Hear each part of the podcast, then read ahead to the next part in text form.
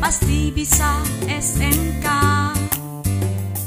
Ayo belajar bersama SMK.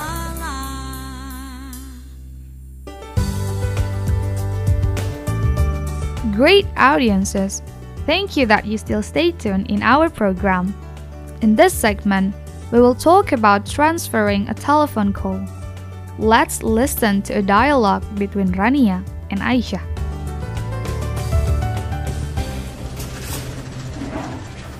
Thank you for your help last time. It helps a lot.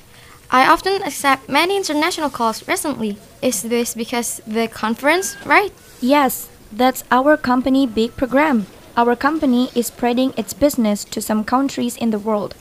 We have to be ready for busy days. Yeah, that's right. By the way, last time I heard you said something to Mr. Andrew. Then you pressed something on the telephone.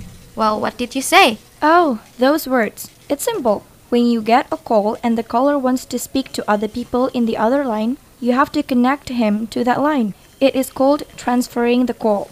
What I said to Mr. Andrew is, I will put you through. I'll put you through. I think I'll write the expressions so that I will not forget all the time. Yes, that's right. There are other expressions. I will explain it to you. Listen, please.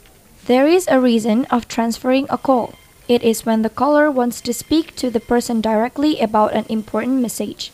You have to be sure who the person is being mentioned by the caller. You have to be able to operate telephone equipment of transferring a phone call. Then you can use these expressions. Just a minute, please. I'll put you through. Just a minute, please. I'll transfer your call to Mr. or Mrs. Do you mind holding the line? I'll put you through to another related division. Will you hold the line for a moment? Can you put me through to Mr. Kim? Hello, is Mr. or Mrs. available? We have to say just a minute, please, because you want him or her to be patient in waiting for the process of transferring. We can also use another expression, such as hold on a second or please wait for a moment while I'm transferring your call to Mr. or Mrs. Don't forget to say thank you.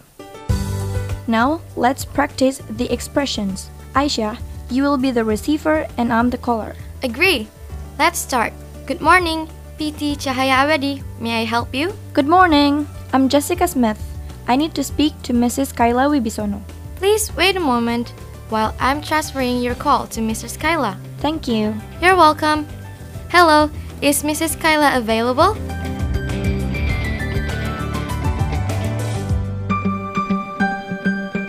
That would be easy to transfer the call if the caller has already known the person in the office. Otherwise, it's better to put the call through another related division.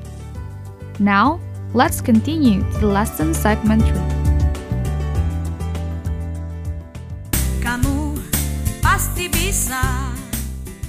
Sampai jumpa.